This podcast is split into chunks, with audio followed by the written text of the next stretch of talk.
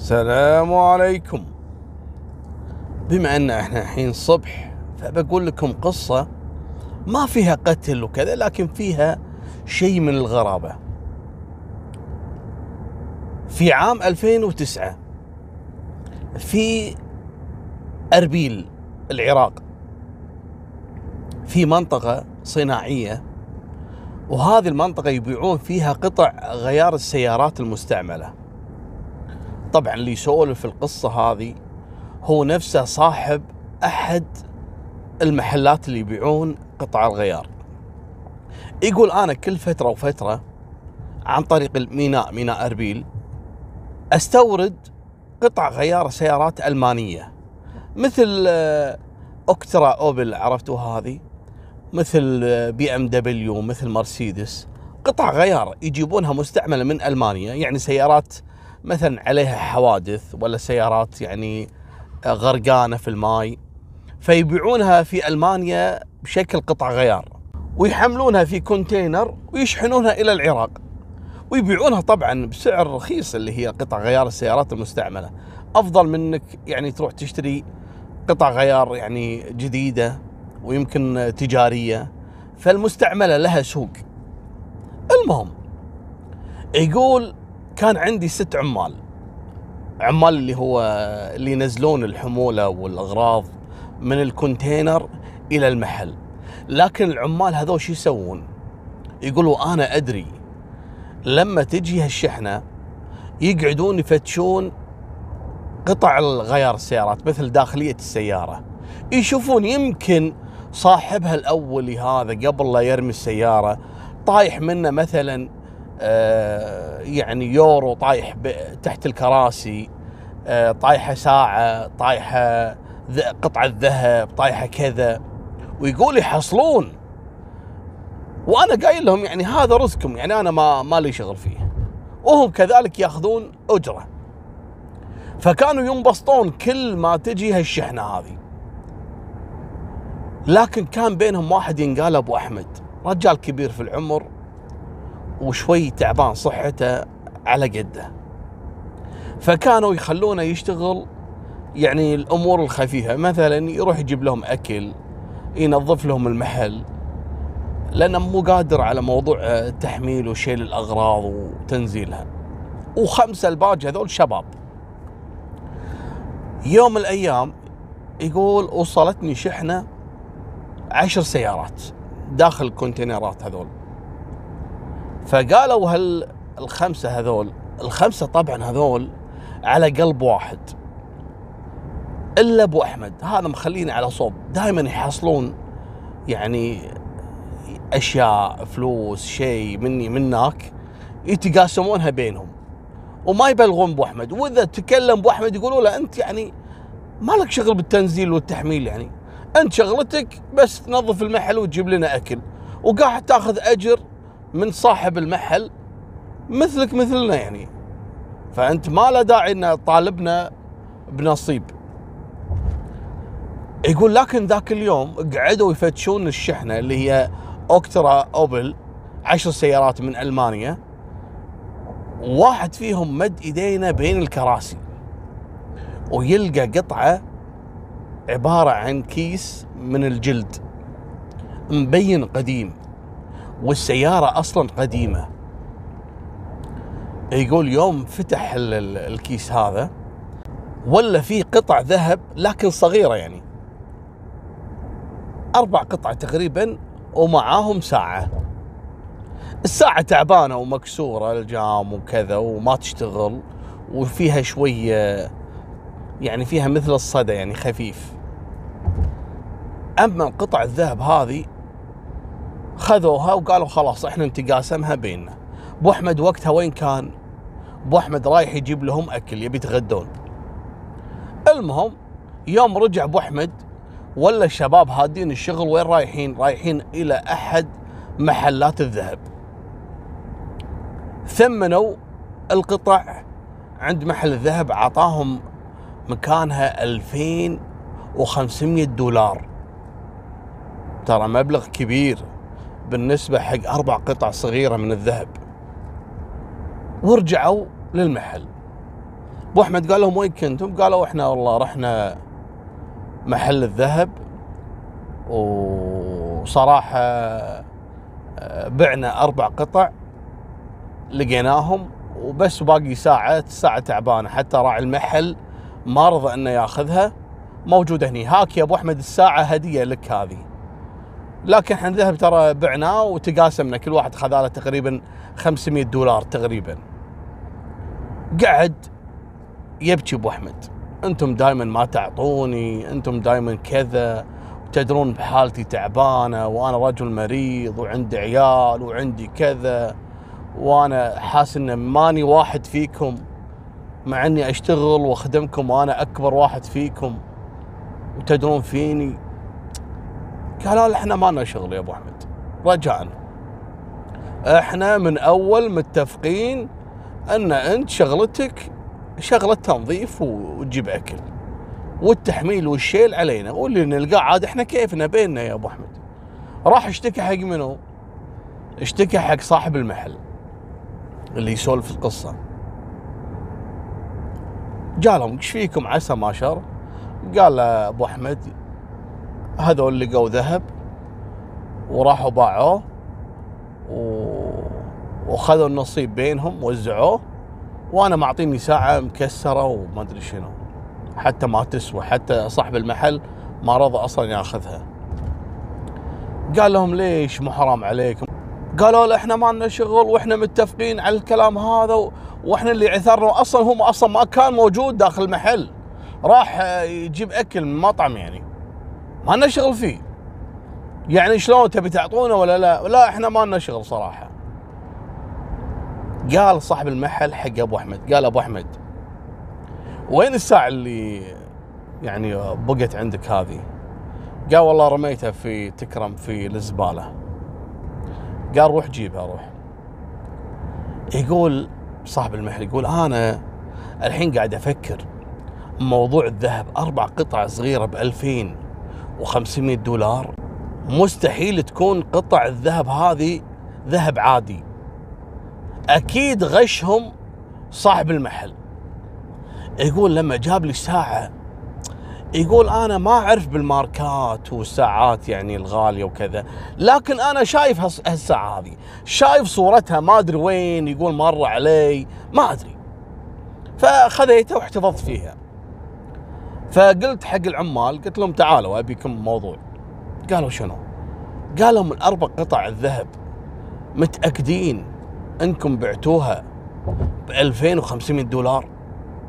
قالوا إي نعم. قال زين شوفوا روحوا حق صاحب المحل وقولوا له خلاص إحنا مهونين ما نبي نبي نعطيك ال 2500 دولار ورجع لنا الذهب. وأنا أدفع لكم زيادة وآخذ القطع الذهب هذه. قالوا له ما في مشكلة بالعكس ويطيرون إلى المحل. قالوا له وين القطع الذهب؟ نبي نرجع الفلوس ونبي ناخذهم. قال لهم والله أنا خلاص ذوبت القطع هذه. شلون وكذا؟ قال اشتريتها منكم وذوبتها يعني. خلاص تبون أعطيكم ذهب يعني مذوب يعني خالص خام اللي هو خام هذا؟ قالوا لا خلاص يعني. رجعوا حق صاحب المحل قالوا له يبا يقول إنه ذوب الذهب يعني. فما أدري. قال خلاص خلاص. يقول أنا تأكدت إن هذا صاحب المحل نصاب. أكيد القطع هذه قطع أثرية أو لها قيمة ثانية مو بس قيمة ذهبية يعني. يقول هني أنا قعدت أفكر لأن خلاص صاحب المحل هذا شلون تجبره ولا شلون تتاكد إن كلامه صحيح ولا لا؟ يقول لك أنا ذوبته. قلت خلاص دام إن القطع الأثرية هذه أو القطع الذهبية هذه لها قيمة وكان معاهم الساعة لابد إن تكون هالساعة هذه كذلك لها قيمة. فقلت حق أبو أحمد أبو أحمد شوف اسمعني.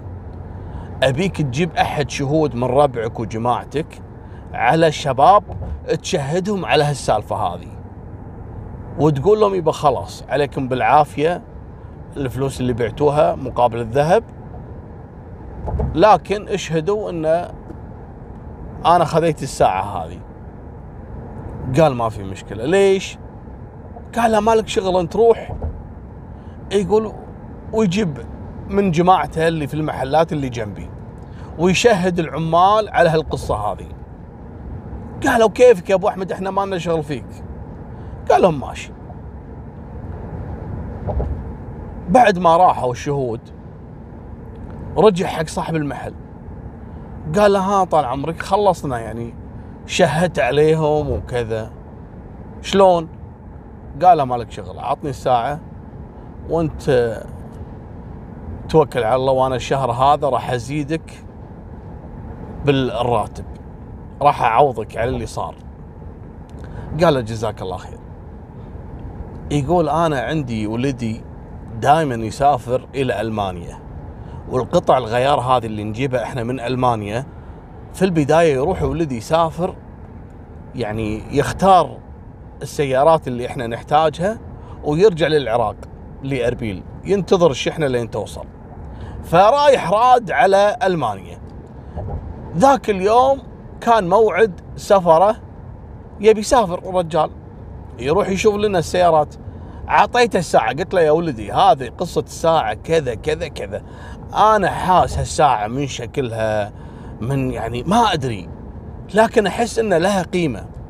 روح شوف اسأل أنت. إن طلع لها قيمة خير على خير. وإن ما طلع لها قيمة ارميها هناك في أقرب حاوية قمامة. قال له حاضر يا يبا. خذ الساعة معاه وسافر لألمانيا المهم يقعد فيها هناك تقريب الشهر شهر شوي ويتصل على أبوه قال له يبا آه، الساعة هذه مالت منو؟ قال له ليش؟ قال له يبا أه بقول لك شيء بس راح تنصدم يبا قال له شنو صاير؟ قال له أول شيء قول لي يبا عافية من وين جبت الساعة؟ قال هذه الساعة نصيب أبو أحمد من الأغراض اللي يلقونها العمال في السيارات قال يبا عافية قول حق أبو أحمد أنا عندي سيارة مرسيدس موجودة عندك في العراق سيارتي قول حق أبو أحمد أعطيه السيارة ويعطيني الساعة حقي أنا يضحك أبوه ليش يا ولدي؟ قال يبا والله العظيم راح تنصدم. الساعة كل ما أوديها إلى محل مختص في تثمين آه، الساعات وكذا ينصدم يقول لي أنت حرام تبيعها هذه بيع. دخلها المزاد. يقولوا فعلا سجلت في أحد المزادات وعلى حالتها يبا ما صلحت فيها ولا نظفتها ولا سويت شيء. ويدخلونها مزاد. يبا بعت الساعة بقيمة خمسة وعشرين ألف دولار. وينصدم الأبو. قال له ليش يبا؟ قال يبا طلعت هذه ساعة أثرية جدا وساعة مقطوعة من سنين والظاهر هذا صاحبها شايب وماخذها ما أدري من وين والساعة يعني تاريخية. ما هي ساعة عادية يا يبا. الناس اللي في المزاد استخفوا عليها. وأنا بعتها ب 25 ألف دولار. قال الله يبشرك بالخير. وينادي أبو أحمد. قال يا أبو أحمد تعال بك موضوع. قال هلا عمي. قال روح جيب الشهود اللي شهدتهم على قصتك مع العمال. قال له يا عمي خلاص. والقصة راحت وكذا. يعني ما له داعي أزعلهم مني مرة ثانية وكذا. قال روح جيب العمال ومالك شغل. ليش يا عمي؟ قال روح جيبهم أنت. راح ناداهم. وقام صاحب المحل نادى العمال اللي ينزلون. قالوا تعالوا. تذكرون السالفة كذا وكذا وكذا. قالوا إي نعم. قال لهم شفتوا ساعة أبو أحمد؟ باعها ولدي في ألمانيا بإحدى المزادات ب 25 ألف دولار. طبعا الخمسة هذول جتهم جلطة. شلون وكذا؟ والله يخليك عمي خله يقاسمنا حرام عليك وما أدري شنو. يقول واقوم أنا وأطردهم من المحل. سووا مشكلة. قالوا لا ولنا نصيب في الساعة وهذا ظلم. قال ظلم. شلون ظلم وأنا مشاهد عليكم؟ يقول جبنا الشهود. قالوا اي نعم شاهدنا على السالفة وشاهدتوا كذلك إنكم ظلمتوا أبو أحمد وعطيتوه ساعة مكسرة. قال اي نعم الساعة تدري هذه بكم؟ طلعت ب 25 ألف دولار. اقعدوا الناس تضحك. يقول أبو أحمد قعد يبكي يا أبو طلال. يقول تدري أنت ال 25 ألف دولار هذه إيش راح تسوي؟ راح تعالجني. وتدرس عيالي. وتزوج ولدي الكبير. وتخليني يعني أرد شباب. شلون جتني على آخر العمر ما توقعت إني في هالعمر هذا إني ممكن أحصل هالمبلغ. يقول والله يا أبو طلال واقوم واعطيه ال 25 ألف دولار لدرجة أنه راح يعني سكر كل التزامات حياته بال 5000 دولار ورجع لي 20000 دولار يقول لي أبي أشاركك في المحل عطني نصيب. ويقول فعلا الحين أبو أحمد شريك معاي في نفس المحل وهو مسؤول على العمال الخمسة هذول.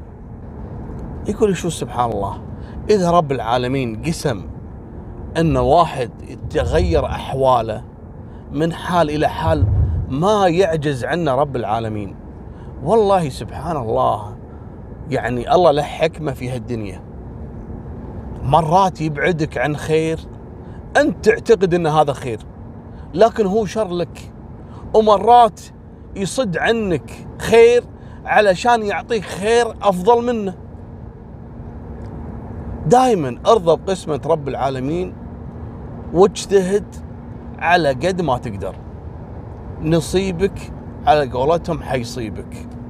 ما حد يموت وهو ناقص من رزقه شيء ولا ناقص من عمره شيء. هذه نهاية سالفتنا وفي أمان الله. مع السلامة.